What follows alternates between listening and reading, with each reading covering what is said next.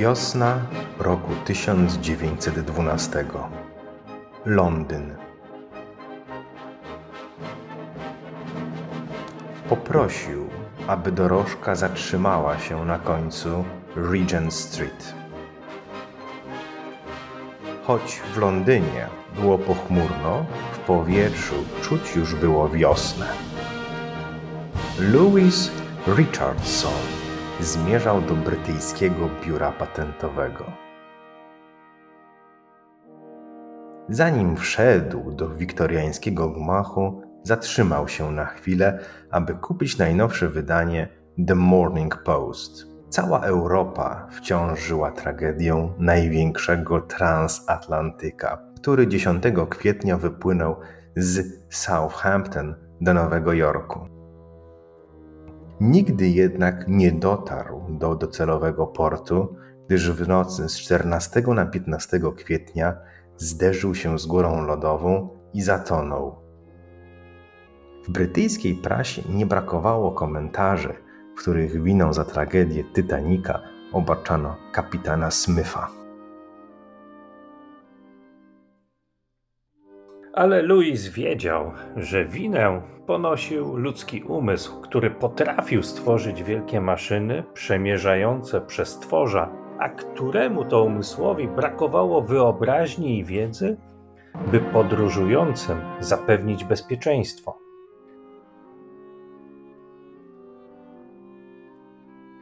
Gdyby tylko można było cofnąć czas, ze złością pomyślał Louis. Gdybym wcześniej opatentował swój wynalazek, to być może nie doszłoby do śmierci tak wielu osób. Zdrowy rozsądek podpowiadał mu, że to niemożliwe. Nie było szans, by jego wynalazek w tak krótkim czasie wszedł do powszechnego użytku, nawet gdyby nie zwlekał ze złożeniem dokumentów w biurze patentowym. Zwłaszcza, że echolokator, który chciał teraz opatentować, wciąż nie zachwycał swoją skutecznością. Wykrywanie gór lodowych za pomocą echolokacji w powietrzu najprawdopodobniej będzie mniej skuteczne od urządzenia, nad którym jeszcze pracował, urządzenia, które miało działać pod wodą. Ale nie chciał dłużej czekać.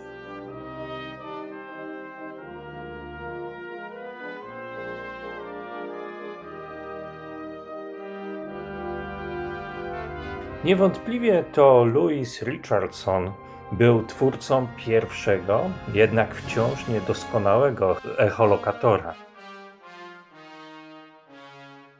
Dwa lata później, w kwietniu 1914 roku, Reginald Fessenden zademonstrował działanie własnego, opatentowanego rok wcześniej oscylatora, który, wykorzystując przetwornik elektromagnetyczny, był w stanie wykryć górę lodową z odległości 2 mil, czyli ponad 3 kilometrów. Jednak i ten wynalazek nie był w stanie dokładnie określić położenia podwodnego obiektu. A czas naglił, bo za moment świat miała ogarnąć wojna, której przewagę mógł zdobyć ten, kto jako pierwszy będzie w stanie wykrywać podwodne okręty wroga.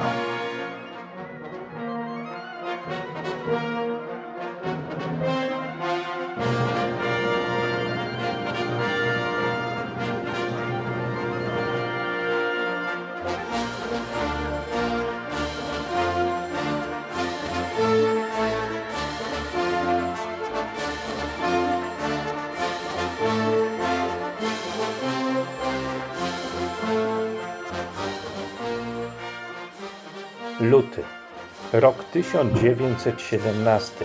Toulon, Lazurowe Wybrzeże.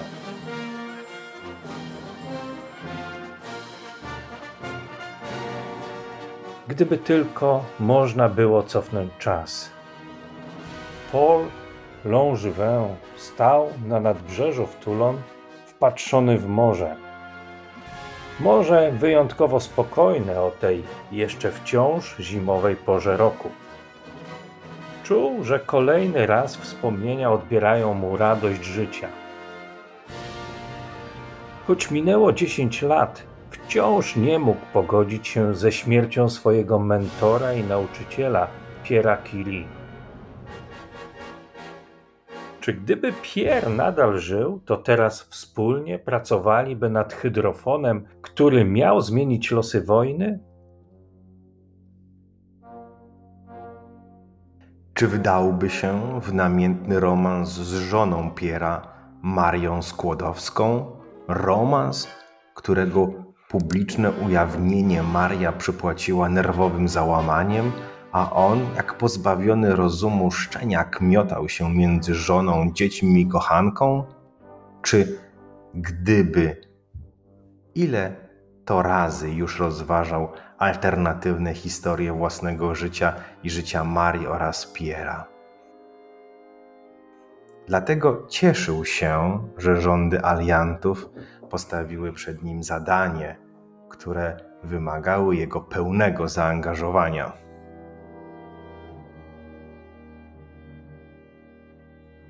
Paul spojrzał na niepozornie wyglądające urządzenie, powoli zanurzane w wodzie.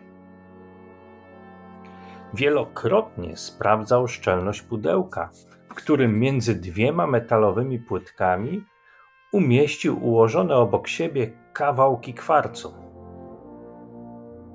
Gdy pudełko zanurzyło się w wodzie, dał sygnał, aby urządzenie podłączono do prądu.